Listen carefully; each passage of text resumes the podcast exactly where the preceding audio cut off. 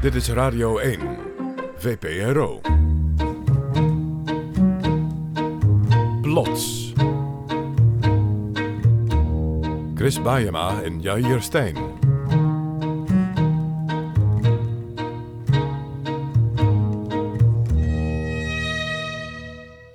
Het was helemaal donkerbruin met strepen. En eh, hij had ook nog zo haartjes eh, onder zijn eh, kin. Meer had hij niet. Rinse is vijf jaar oud als hij van zijn vader een tijger krijgt. Een, een speelgoedtijger, neem ik aan. Een enorme knuffeltijger. Die heeft zijn vader gewonnen op de kermis. En Rinse die is er helemaal gek op. Maar volgens zijn moeder verandert dat. Op een gegeven moment keek hij er niet meer naar om. En eh, dacht ik van, nou ja, als er dan zo'n inzamelingsactie is, laten we die dan wegdoen. Inzamelingsactie voor Een soort buurtactie om Hmm. eten, spullen, knuffels dus ook te verzamelen voor het goede doel. mensen die wat minder hebben. Ik moest hem van mama wegdoen, maar ik wou dat zelf niet. Omdat ik hem zelf nog heel graag wou houden. Toen begon ik erover en eh, nou, toen was het ineens van, eh, nee, ik wil hem niet kwijt, want het is mijn tijger. En zijn moeder probeert het hem nog uit te leggen. Ja. Rens is enigskind en alles is van, eh, nou, is van mij. En eh, ja, het is ook wel eens goed om te kijken dat andere mensen het niet zo goed hebben dan ons. En eh, ja, dat je af en toe ook wel wat weg mag geven waar je zelf eigenlijk best wel gek mee bent. Een levensles. Ja, het, uiteindelijk gaat hij akkoord. Dan zeg nog even een laatste aai en ja, toen was het klaar. En toen? Ik weet niet waar hij heen is gegaan. Ik denk in Afrika. Want daar zijn heel veel kinderen die niks hebben. Maar Rinse gelooft toch niet helemaal dat het zijn moeder alleen om die arme kindjes te doen was. En die was wel heel groot. Daarom wil mama hem weg hebben. Oeh. Ja, zijn moeder vond het lastig om er steeds omheen te moeten stofzuigen. Oeh, maar dit gaat een hele foute kant op. Nou ja, het is ook een reden. Ja, het is eigenlijk een beetje, een beetje dubbel. Hij, hij, hij lag mij ook in de weg, maar ik denk van nou, dan is dit misschien wel een goed moment om eh, te zeggen van nou ja, dan doen we hem weg. want iemand anders heeft hem meer nodig dan jij, want je speelt er nooit meer mee. Toen hij weg moest, was ik wel een beetje boos. En? Nog steeds boos? Nou, het is nu een jaar geleden. Rins is die tijger nog niet vergeten. En hij is van plan om zelf een nieuwe te winnen op de kermis. Ik ga hem winnen. Als ik dat kan. Ja. En ik hoop dat hij een hele grote tijger wint. Een grotere dan de vorige. Knuffel is natuurlijk heel belangrijk. Dat vergeten mensen soms. Ja, maar het allergekste is, soms zijn het geen kinderen, maar volwassenen wiens leven totaal ontregeld raakt door knuffels. Dit is Plots. Een programma dat tot stand komt met steun van het Mediafonds. En iedere maand in Plots wonderlijke, ware verhalen rond één thema. En vandaag is dat... Knuffels. Ja, je vraagt je toch af eh, wat er met zo'n knuffel gebeurt hè, als je naar het goede doel zoekt. Waar komt hij nou terecht, toch? Ja, nou vooral als je zo aangehecht bent geweest als eh, dit jongetje, als die Rinsen. Ja, en daarom wilden wij de hele reis volgen op weg naar het goede doel. Om te zien wat er met zo'n knuffel allemaal kan gebeuren. Bestemming? Haiti. Acte 1. Kapitein Boogie en de knuffels. Een verhaal gemaakt door Laura Stek.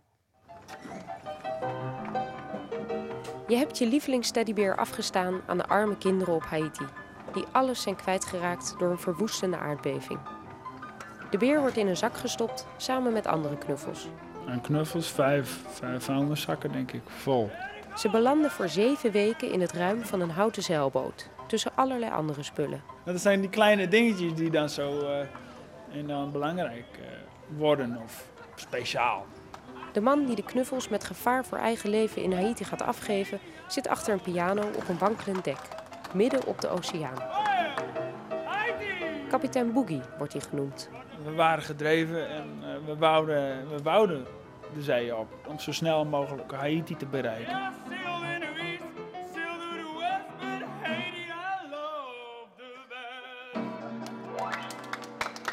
Naast een bootsman, een paar matrozen en een scheepsarts gaan er ook twee documentairemakers mee, Maarten en Ina. Vlak van tevoren horen ze van de reis. Ik heb toen meteen de kapitein gebeld en die eh, legde uit dat het echt een serieus plan was dat hij daar teddyberen wilde gaan brengen. En toen hebben zijn we die boot gaan bekijken, toen kreeg ik even de twijfels. Maar eh, ja, we hebben het toch gedaan. Dus toen zaten we twee dagen later op de boot. drie organisaties heb ik gebeld en aangeschreven van wat hebben jullie specifiek nodig? Er gaan niet alleen knuffels mee, maar ook bedden, medicijnen, luiers, rollators en een aantal opvallende artikelen. Kattengrint ging ook mee. Een stepje. Een pikhouweel. En die schedeloplifter, was die nou ook mee? Toen op een bepaald moment hebben we dat ingeladen. Ja, 50 kuub aan hulpgoederen. En dan is het zover. Een maand na de aardbeving in Haiti vertrekt het schip uit Den Helder. Het was ijskoud, want het was eh, februari 2010 en het vroor net niet.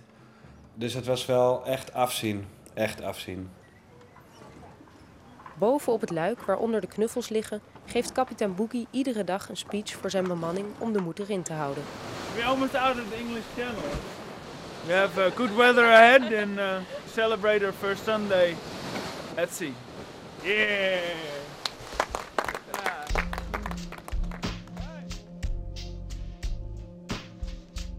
Maar ondanks het goede vooruitzicht steekt er al snel een storm op en wordt het zwaar weer aan boord. Vonden wij tenminste. Voor de kapitein, die eh, komt helemaal tot leven in dat weer. Die, eh, die vindt dat mooi. Ons scheepje hield het zo mooi. Nou, ik een eend die op het water dreef. Het schip voerde als een tierenlier. eh, heel erg snel. Het was allemaal houtje touwtje en het kraakte allemaal. Ja, ik ben echt doodeng. Dus ik zei, oh, dat gaat niet goed. Ja, we hadden ook twee weken lang gewoon dezelfde natte broek aan. Omdat het gewoon niet te doen was om eh, je broek uit te trekken en vervolgens een nieuwe broek te zoeken en die aan te trekken. Ik had de stringetjes in mijn vingers, alsof ik te lang in bad heb gezeten. En hoe staat het met de knuffels en alle andere spullen die in de cargo onderin het schip liggen? Elke keer moest het eigenlijk gelucht worden. En ook water eruit geschept worden, omdat het ja, een houten schip is. Dus er komt toch gewoon eh, water naar binnen. Dus we hebben het wel geprobeerd zo droog mogelijk te houden. Gelukkig klaart het weer na drie weken op. Maar dan slaat de verveling toe. Voor hen staat het schip staat eigenlijk symbool voor een soort enorme vrijheid. Maar ondertussen kan je dat schip helemaal niet af. Dus je bent ook heel erg aan elkaar eh, overgeleverd. En als dat zeven weken duurt, ja, Oceaan oversteken is eigenlijk een reset van, eh, van je persoonlijkheid. Ik zeg altijd, de, de, de zee is een goede moeder. Nou, die kan je heel veel leren.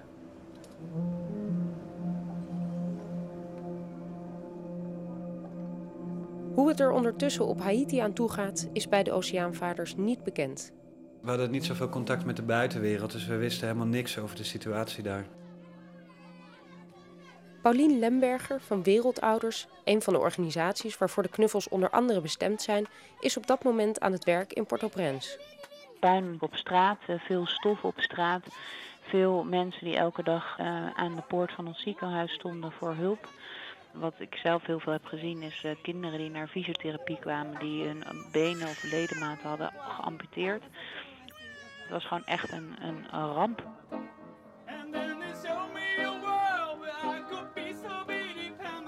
Ondertussen vaart het schip gestaag door, met een zingende kapitein Boogie. Ik dacht dat wij knettergek waren op een gegeven moment. Het duurde zo lang en iedere dag was precies hetzelfde. Ik vroeg me af, komt er nog een eind aan? Toen verscheen er iets op de radar en niemand wist, eh, kon zien wat het was. Dat bleek achteraf een roeier te zijn, midden op de oceaan. Er zijn mensen gewoon die 78 dagen de oceaan overpeddelen. Nou, die waren ook bezig voor het goede doel. Nou, dat was wel een punt voor mij dat ik dacht, nou, deze hele oceaan zit vol met gekken. If we keep on going like this, we uh, we there in uh, three weeks. People in uh, Haiti needs our goods, and uh, that's why we have to sail as fast as possible. Na zeven weken is er een eerste stukje land in zicht. Oh ja, kom maar janken. Maar na de blijdschap volgt de angst. Want het schip moet nog een heel stuk langs de kust van Haiti om in de haven van Port-au-Prince te komen. Iedereen zat elkaar eigenlijk steeds meer op te stangen met... Totdat er een soort idee heerste dat als we in Haiti aan zouden komen... dat we van die boot gesleurd zouden worden en levend opgefroten zouden worden. En er was eh, wel nieuws naar ons toegekomen via de radiogolven. Dat er piraten waren en eh, dat er een complete chaos was op eh, Haiti. Dus we hadden een, ehm, ja, een soort brandslang op een soort pomp aangesloten. En daarmee zouden we dan de piraten van het dek af kunnen spijten. Dat was het idee. Maar dat viel dus allemaal mee. eh, we waren goed beschermd. En eh, achteraf eh, was het eigenlijk een beetje overtrokken verhaal. Het schip kan met levende passagiers en opgedroogde knuffels de haven binnenvaren. Voor kapitein Boogie is de eerste stap aan wal een memorabel moment. Ja, het is een trots gevoel dat je dus de elementen hebt overwonnen. Dus wind, regen, storm. En dat je dus voet aan wal kan steken. En dan heb je toch zo'n enorm eh, gevoel. eh, eigenlijk een goddelijk gevoel eigenlijk.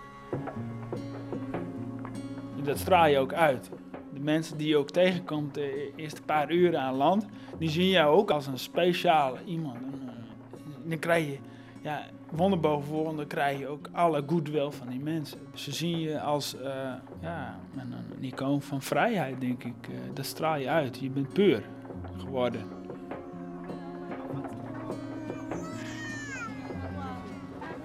Terug naar de realiteit aan land. De knuffels en de andere goederen worden uitgeladen en in een container gestopt. Maar de hulporganisatie Wereldouders is niet onverdeeld enthousiast over de lading van kapitein Boogie en zijn bemanning. In één container zit bijvoorbeeld babykleertjes, luiers, eh, twee rolstoelen, twee bedden, eh, wat ballen en wat kasten. Ja, dat is heel erg onhandig. Om één container uit te laden, wat ik zelf heb gedaan, heb je 25 mensen nodig die al die spullen gaan in- en uitladen en een plekje gaan geven. En als je in Haiti die container openmaakt, dan weet je niet meer waar je moet beginnen. We hebben toen nog een afspraak gemaakt met iemand van een weeshuis. En die was eigenlijk heel boos over eigenlijk. Dat die spullen gewoon in een container eh, waren gestopt. En dat het voor haar nog maar de vraag was hoe ze het uit die container zou krijgen en hoeveel dat dan zou kosten. Ik weet dat als wij iets te lang laten staan, we per dag een boete krijgen. Nou, die wil je niet betalen. En over de exacte eindbestemming van de lading zijn de meningen verdeeld. De goederen zijn terechtgekomen en dat was onze belofte ook aan die organisatie van deze goederen eh, die wij vervoeren, die komen ook aan. Dus eh de mensen hebben het ook opgehaald nadat het eh, ingeklaard was. Wij konden vier dagen blijven liggen daar aan de kade. Dus we hebben nooit die spullen persoonlijk kunnen overhandigen aan die mensen. Dus we hebben het in die container gestopt en zijn weer weggezeild. En dat was het. De organisatie Wereldouders kan ook geen uitsluitsel geven. Nee, ik weet alleen maar dat ze in ieder geval niet overhandig zijn aan onze eh, lokale organisatie. En daar stopt het spoor van die ene teddybeer en al die andere knuffels die zeven weken eerder in Den Helder in de zak waren gestopt. Er is een goede kans dat ze bij een andere organisatie terecht zijn gekomen. Of dat container is opengebroken. Er zijn ook spullen die al op de paar honderd meter tussen het schip en de container verdwijnen. Nou, er waren allemaal mannen, gingen er helpen met eh, uitladen. Dus eh Boogie was natuurlijk enorm blij met alle mensen die spontaan kwamen helpen. En die hadden allemaal een rugzakje op. Dus af en toe verdween er een broek of een eh, knuffelbeer in een tas. Ook al blijft de exacte eindbestemming van de knuffels onduidelijk. Het is toch niet voor niets geweest. Je moet je ook voorstellen, de mensen die daar werken, die hebben ook allemaal familie, kinderen, ooms, tantes die eh, getroffen zijn door de aardbeving. Dat ik zeker weet dat het goed besteed is. Eén man die eh, had een plusje hondje gevonden. En dat vond hij zo leuk dat hij hem eh, mee heeft genomen. En dat wou hij aan zijn dochter geven.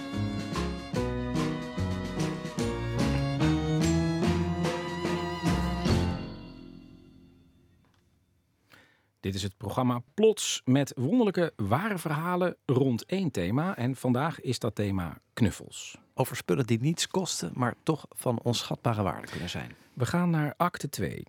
Sommige mensen gaan behoorlijk ver in het terugvinden van verloren knuffels. Er bestaan ook allerlei websites voor. Knuffelkwijt.nl heb ik gevonden, knuffelkwijt.com, de knuffelkwijt-site. Ja, en onze geluidstechnicus, zelfs hij vertelde dat hij een keer 500 kilometer terug was gereden naar het vakantiehuisje om de knuffel weer op te halen. Ja, dat is eigenlijk het klassieke knuffelverhaal. Hè? En daarbinnen heb je dan ook nog een keer de extreme. Ja, acte 2, Vrouw zoekt beer. Een verhaal gemaakt door Bente Hamel. Toen Laura 3,5 was, kreeg ze van Sinterklaas een kleine beer. En ik herinner me nog dat ik dacht van jeetje, ze heeft toch meer dan genoeg. En dan nog zo'n uit China afkomstig eh, onbenullig beertje. Dus ik vond het niet zo'n geweldig geschenk, maar zij zelf dus wel. Want vanaf dat moment was dat echt haar favoriet. En die kreeg de naam Raampje, vraag me niet waarom. Hij had achterstevoren armpjes, wat toch wel heel bijzonder is eigenlijk. Hij had een heel hoog voorhoofd, hele kleine oortjes. Hij werd eh, vanaf dat hij eh, bij het gezin kwam, werd hij als hij aangesproken, maar hij droeg wel altijd jurkjes. Ze heeft ook nog bedacht, ja, het is als een jaar of vier en half zijn geweest, dat ze hem had gevonden op straat. En eh, zijn ouders heten Wim en Corrie en die woonden in Den Haag en die hadden hem mishandeld. Ja, hij werd steeds belangrijker in ons bestaan. Elke vakantie ging hij mee, elk partijtje, elke gelegenheid. Laura en Raampje zijn onafscheidelijk. Er is geen klassenfoto waarop ze niet met de beer onder haar arm staat. En wanneer ze met de klas op schoolreisje gaan, naar Bergen aan Zee, gaat Raampje natuurlijk ook mee. Toos is er die week bij als begeleider. En ze herinnert zich nog heel goed het moment dat de bus kwam voorrijden om de kinderen weer naar huis te brengen.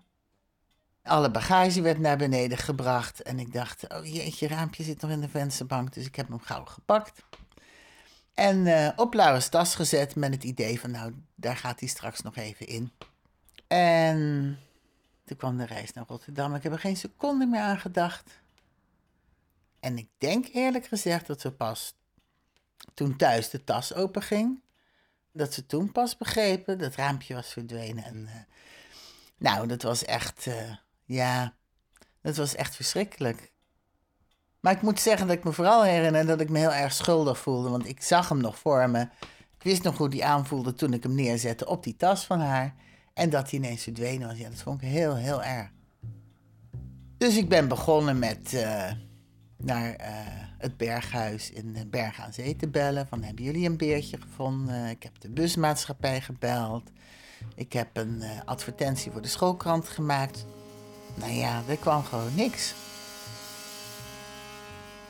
Ik weet wel dat er weken zijn geweest en maanden dat kinderen uit de klas ook vroegen uh, van, goh, is Raampje al gevonden en waar zou die nou toch zijn? Tegen de tijd dat het Sinterklaas werd, dacht ik, ja, ik moet hier iets aan doen. Ik ga gewoon een nieuw raampje voor hem maken. Dus ik heb zijn foto's bestudeerd en uh, ik heb een nieuwe beer gemaakt met aan de ene kant de kenmerken van Raampje en aan de andere kant anders. Zodat ze niet kon zeggen, hij is een beetje anders. Want hij was gewoon anders. Want hij was in Afrika geweest. En hij was, had op een schip gezeten. En hij had heel veel gegeten. Dus hij was een beetje dikker, een beetje zwaarder. Donkerbruin in plaats van uh, beige. En uh, tot mijn grote verbazing was Lara heel blij. Dus ik dacht, hè, hè, van dat drama zijn we af. Maar terwijl Laura tevreden is met haar nieuwe, door de zon gebruinde stand-in beer, kan Toos die oude, die echte, niet uit haar hoofd zetten. Ik bleef maar denken, waar is die nou? Waar zou die zijn? Dus het heeft me sindsdien niet meer losgelaten. En of dat dan, ik weet het niet hoor, of dat dan een schuldgevoel is. Misschien was het een stukje van Laura wat ik miste. Ik heb er ook regelmatig over nagedacht. Want dat duurde dus, dat zoeken, dat duurde ongeveer 24 jaar. ja, je hoort het goed. 24 jaar. En Toos pakt het grondig aan. Ze spitst haar zoektocht toe op kringloopwinkels en rommelmarkten. Niet alleen bij haar in de buurt, maar ook als ze op vakantie is. Want wie weet waar de beer terecht is gekomen. Ja, als ik in Middelburg was en ik zag een rommelwinkel, dacht ik, nou wie weet maar het levert allemaal niks op. Laura zit ondertussen op de middelbare school. Toen kreeg je dat programma Spoorloos. En toen dacht ik ineens, ja, maar verdriet is verdriet en pijn is pijn. En het is wel geen levend wezen, maar nou ja, dat heb ik dus ook overwogen. Laura gaat het huis uit. En Toos, die neemt internet. Op een gegeven moment ontdekte ik Marktplaats. Dus ik uh, ja, regelmatig uh, toetste ik oud beertje en oude beer in. En dan kwam er een uh, enorme hoeveelheid uh, over het algemeen opgewekte beren langs. Maar hij zat er niet bij. En een enkele keer dacht ik, ja, maar hij zit bijna. En dan kocht ik hem ook. Want daar had ik wel last van. Ik weet niet of je dat kent. Dat als je verliefd ben en iemand heeft bijvoorbeeld een groene jas en dan zie je in de verte iemand aankomen die heeft een blauwe jas en dan blijf je denken, maar hij zou nog groen kunnen worden. Laura was acht jaar toen ze haar beer kwijtraakte. Inmiddels is ze 32. Ze woont in Amsterdam en maakt theatervoorstellingen. En dan is er een rommelmarkt bij Toos in de buurt. Ik ging met eh, mijn kleinzoon, die was toen één jaar, ging ik even op de rommelmarkt kijken, wat ik eh, altijd heel graag doe. En ik loop daar en ik heb het gevoel dat, ik, dat iemand naar me kijkt. Dus ik kijk om. Wie zie ik? Ik zie een raampje liggen op een kraampje. dus ik vergeet bijna mijn kleinzoon Ari. En ik ben als de dood dat iemand hem nog net voor mijn neus koopt, wat natuurlijk niemand van plan is.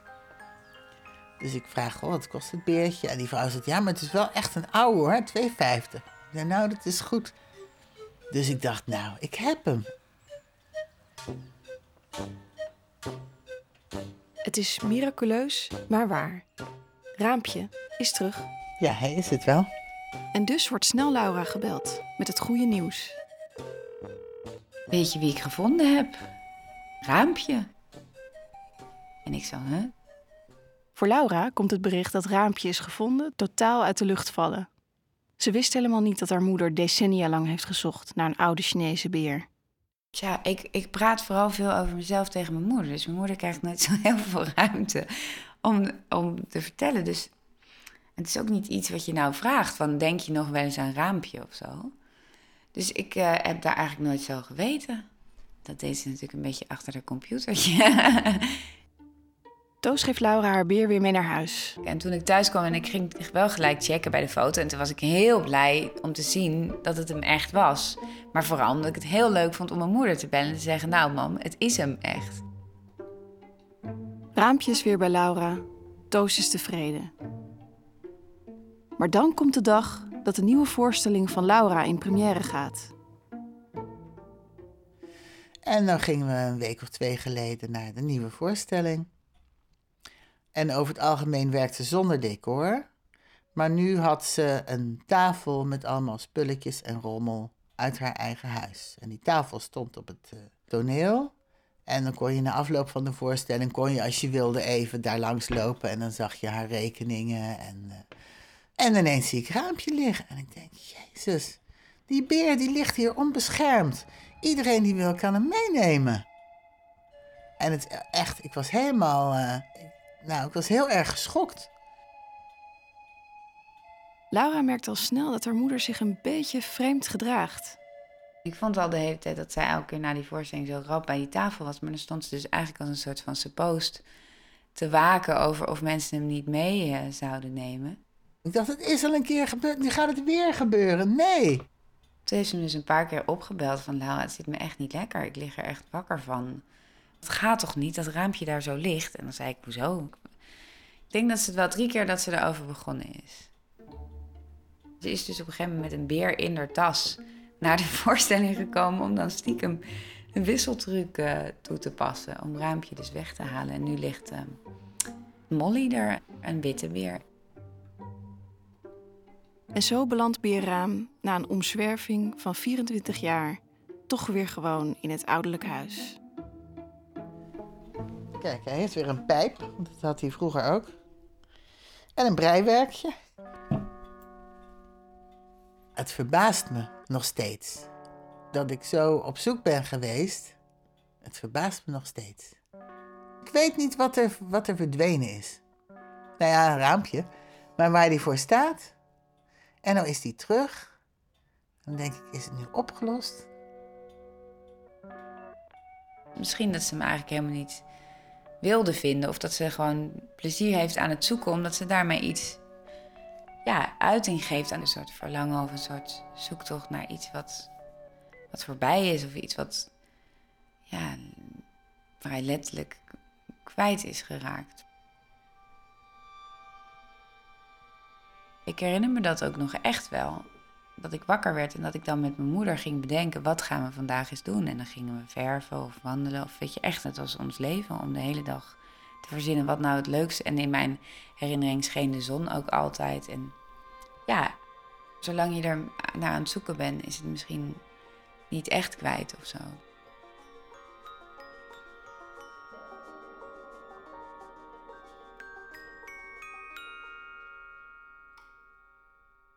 Laura trouwens is uh, theatermaker Laura van Doron. Vanavond heeft ze haar laatste voorstelling. Maar eind augustus is nog te zien op het theaterfestival in Brussel. Niet met Raampje dus, met Molly. En we hebben een oproep voor een nieuwe aflevering met als thema Systemen. Zijn we op zoek naar verhalen over mensen die op een absurde manier bekneld zijn geraakt in onnavolgbare regeltjes, waardoor schijnbaar eenvoudige problemen ineens onoplosbaar blijken te zijn. U herkent zichzelf vast hierin. Of een, dan wel een vriend of familielid. In elk geval stuur ons uw verhaal naar plots.vpro.nl. Terug naar het thema van vandaag. Knuffels. Acte 3. Een verhaal van jou, Jair, over een moeder, een zoon, een opa en een beer. Titel: Opa is in de beer. Wij hebben op zolder een beer liggen. Ehm, die nooit gebruikt door de kinderen. Want mijn kinderen zijn helemaal niet van knuffels. En Ruben is een keer uh, naar zolder gelopen. En toen heeft hij die beer gehaald. En hij kwam naar beneden en hij zei: Mama, de beer is opa. Dit is opa. Opa's geest is in de beer. Het is een beetje een onhandige beer. Uh, daarom heb ik hem ook nooit echt mooi gevonden. Het is een, een, een, ja, nou ja, een verdrietige beer. Ruben kende zijn grootvader als een sterke, stoere man met wie hij kon stoeien, aardbeien plukken of beestjes zoeken in de tuin. Maar op Rubens achtste verjaardag ziet hij hoe opa door alle drukte in huis even geen zuurstof meer krijgt. Hij wordt naar het balkon gebracht, waar hij in elkaar gedoken tegen de reling hangt.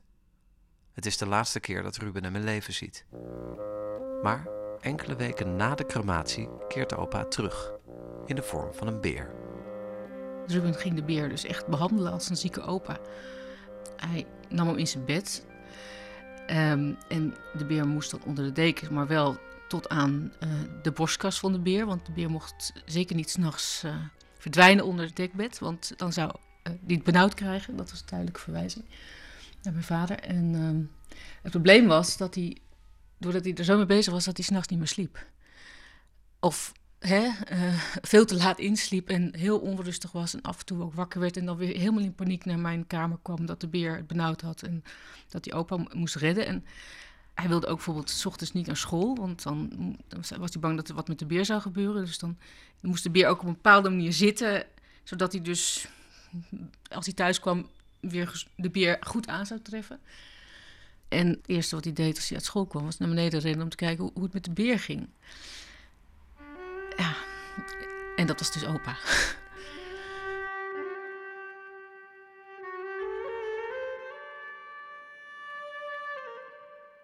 Ik vond het gewoon doodeng. Ik dacht, hij wordt gewoon, hij wordt gek. Hij is acht, maar hij wordt gewoon, het is gewoon, hij wordt gewoon, nou ja, gestoord hiervan.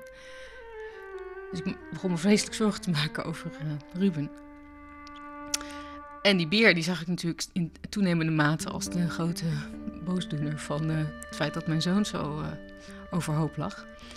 Um, en dus ik heb regelmatig dat ik dacht, ik moet, die beer moet weg. Die beer, die, die staat me ontzettend tegen. Ik kreeg echt een hekel. Ik bedoel, het was dan niet mijn lievelingsbeer, maar ik kreeg een ontzettend hekel aan die beer.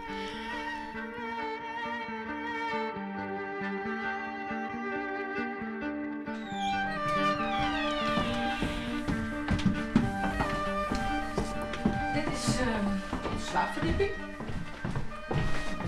De beer is groot, meer dan een halve meter lang. Nou ja, hij ligt hier dus. Hij draagt een ruitenstrikje.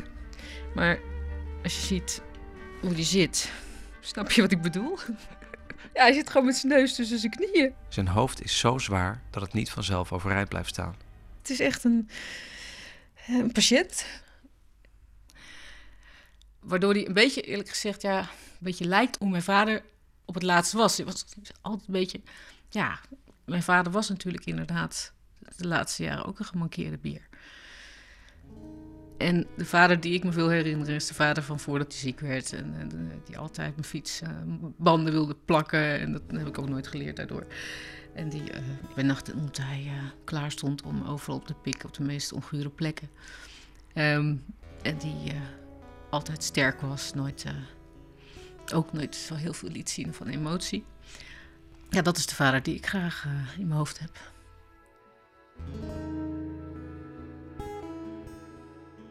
Barbara maakt zich niet alleen zorgen om haar zoon. Ze begint zich ook steeds meer te ergeren aan zijn gedrag. Ik kon daar niet zo goed mee omgaan, want ik, ja, het, is, het, is toch, het ging toch over mijn vader. Dat ik toch wat probeerde het normale leven te blijven leiden, maar dat hij elke keer kwam met de geest van opa en opa is ziek en opa, ik moet voor opa zorgen en de beer is opa. Ja. Elke avond als Barbara naar Rubens kamer loopt, hoort ze hem praten tegen de karikatuur van haar vader. Ik heb me heel lang voorgenomen om die beer niet weg te halen. Want ik dacht, ja, dan, dan ruk ik opa weer uit zijn leven nog een keer. Maar ik heb het toch gedaan, de laatste keer. Dat, ik, uh, dat hij weer begon over de beer. En toen heb ik dus inderdaad op een hele slechte avond uh, de beer uit zijn bed gerukt. Woedend, huilend. Ik heb gezegd dat ik het beter vond dat de beer uh, weer naar zolder ging, naar zijn oude plek. En dat, dat opa toch echt, echt dood was. En dat, dat die opa in zijn hoofd mocht hebben, maar dat opa niet in de beer zat. Dat heb ik gewoon wel zo hard ook tegen hem gezegd.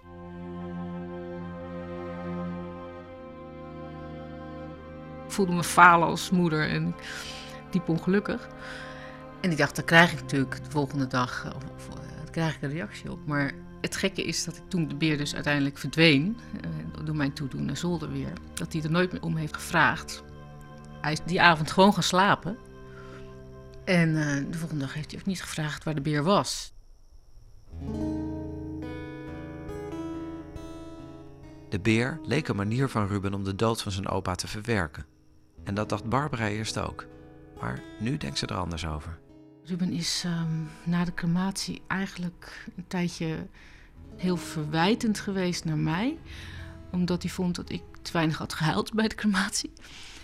Ja, ik, ik vond dat ik ook voor de kinderen cool moest blijven en dat soort dingen. Dat kan ik dan blijkbaar ook wel. En tegelijkertijd denk ik ook dat Ruben met name uh, niet tegen kon dat ik probeerde cool te blijven.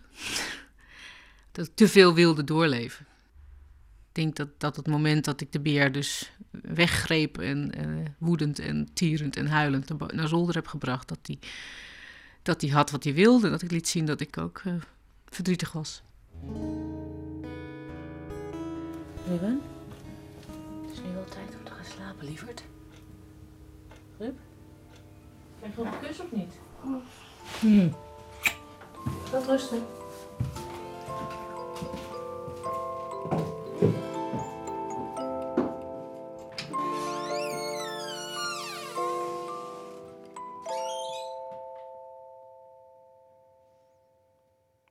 We hoorden Ruben heel even, maar heb je, ja, hier heb je eigenlijk met Ruben zelf nog gesproken? Nou, dat wilde zijn moeder niet, Barbara. Die wilde niet riskeren dat, uh, dat hij opnieuw zo overstuur zou raken. En, dat vond ik wel interessant, ze wilde ook niet dat hij zou voelen dat zij er nog steeds mee bezig is. En die beer nog steeds gewoon totaal niet kan uitstaan. Hij weet dat hij macht over haar heeft met de beer, zei ze zelf.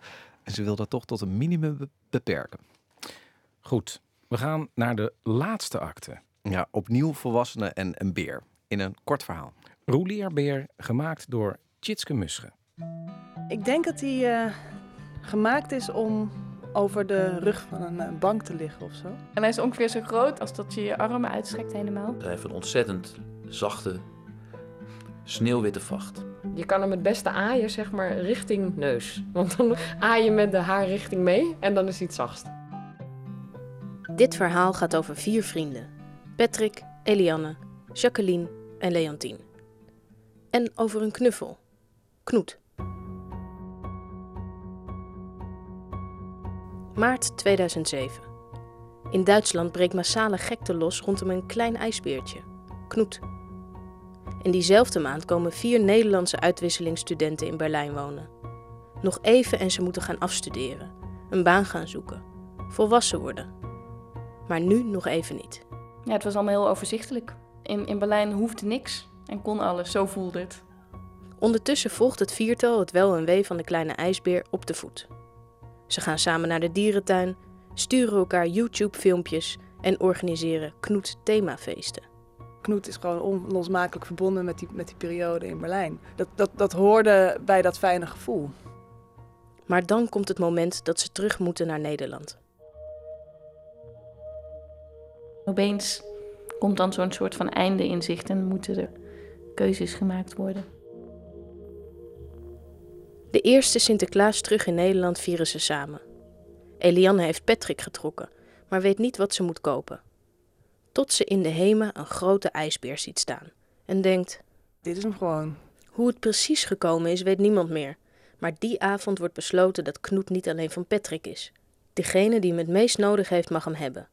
En dus gaat de ijsbeer die avond niet met Patrick mee naar huis, maar met Leontien.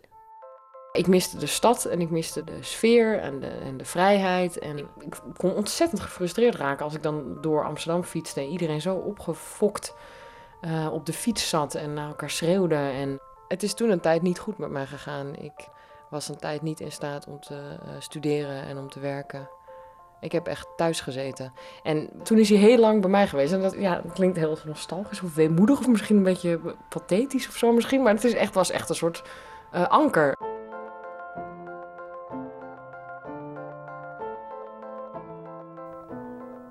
Dan is het de beurt aan Eliane. Ja, mijn relatie was uitgegaan. En dat was op dat moment een heel groot drama, ja, voor mij. Dat was de eerste keer dat ik aan de kant was gezet. Um, toen was het wel een, uh, ja, kon je wel een beetje tegen hem aan uh, lullen daarover. Dus een soort uh, plaatsvervangend dagboek. Van Eliane verhuisde de beer naar Patrick. Eigenlijk de laatste dieptepunt dat ik me kan herinneren waarvan ik echt dacht, nou, nu zit ik een beetje in zak en as. Dat was een tijd dat mijn scriptie was afgekeurd het feit dat hij er is, was voor mij voldoende. Uh, ja, het is, niet, het is niet, niet dat ik ellenlange gesprekken met hem voer. Of dat ik uh, bewust een, dat fysieke contact opzoek. Maar ik uh, was, was eerder, ik vond het gewoon heel fijn dat zijn aanwezigheid er was. Dat was voor mij voldoende. En van Patrick gaat Knoet naar Jacqueline. Mijn broer is van, van 7 à 8 meter hoog naar beneden gevallen. Mm, in een oude fabriek was hij gaan kijken. En toen is hij in een oude ehm, liftschacht getrapt. Is hij naar beneden gedonderd. Toen heeft hij echt een week op de intensive care gelegen. En toen uh, was het echt heel spannend of hij het wel zou halen. En toen heeft hij een paar maanden bij mij gelegen. Op mijn hele kleine kamer. dus dan, uh, dan, was hij heel uh, prominent aanwezig. Het is echt grappig dat ik nu aan die overvolle kamer denk met hem daar zo in. Zo'n, ik zou bijna nu zeggen alsof het een soort rustpuntje was in, in die chaos op dat moment. Eigenlijk de mensen die je steunen, uh, no matter what. Um, daar staat hij een beetje symbool voor voor mij. Dus dan is een blik op die, op die witte beer is dan voldoende om te bedenken: oh ja, ik ben niet alleen. Deze beer die symboliseert die herinnering aan die hele mooie periode in Berlijn. En tegelijkertijd is een bevestiging van onze vriendschap. Nou ja, en dat dan in één ijsbeer. Inmiddels gaat het goed met de vier vrienden. De broer van Jacqueline is volledig hersteld Leontien heeft haar plek weer gevonden in Amsterdam en Patrick is toch nog afgestudeerd. Ja, we zijn allemaal ouder geworden en wijzer en, uh, en een stuk uh, volwassener, denk ik. We groeien gewoon verder met z'n allen. En Knoet? Die ligt bij Eliane op de kast. Ja, hij mag wel weer, uh, hij mag wel weer verder, denk ik. Ik hoop alleen dat het niet nodig is, want zolang, zolang hij ergens op de kast ligt, heeft niemand hem echt nodig. En dan is er dus ook niet zoveel aan de hand. Zou wel prima zijn.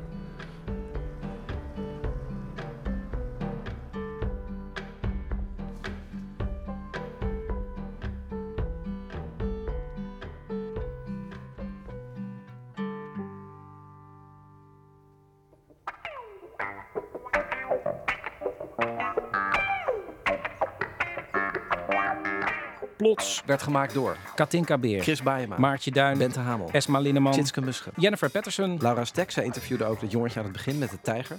Jair Stijn, Stef Visjager, Sharon de Vries en Joost Wilgenhof. Techniek Bart Schultz. We zoeken nog nieuwe verhalen. Bent u bekneld geraakt in een bureaucratisch systeem? Kent u iemand die bijvoorbeeld door stomzinnige regeltjes opgesloten zit en niet vrijkomt? Mail ons uw verhaal plots.vpro.nl. En u kunt al onze verhalen terugvinden op onze website vpro.nl/slash plots. En daar kunt u ook, en dat vinden we heel leuk, reacties achterlaten. Kunt u ook gelijk lid worden van de Plots Podcast? Zo dadelijk. Bureau Buitenland met Pieter van der Wielen. En volgende week op deze tijd bizarre verhalen in Instituut Itzerda. En dan natuurlijk volgende maand een nieuwe Plots. Thema de erfenis.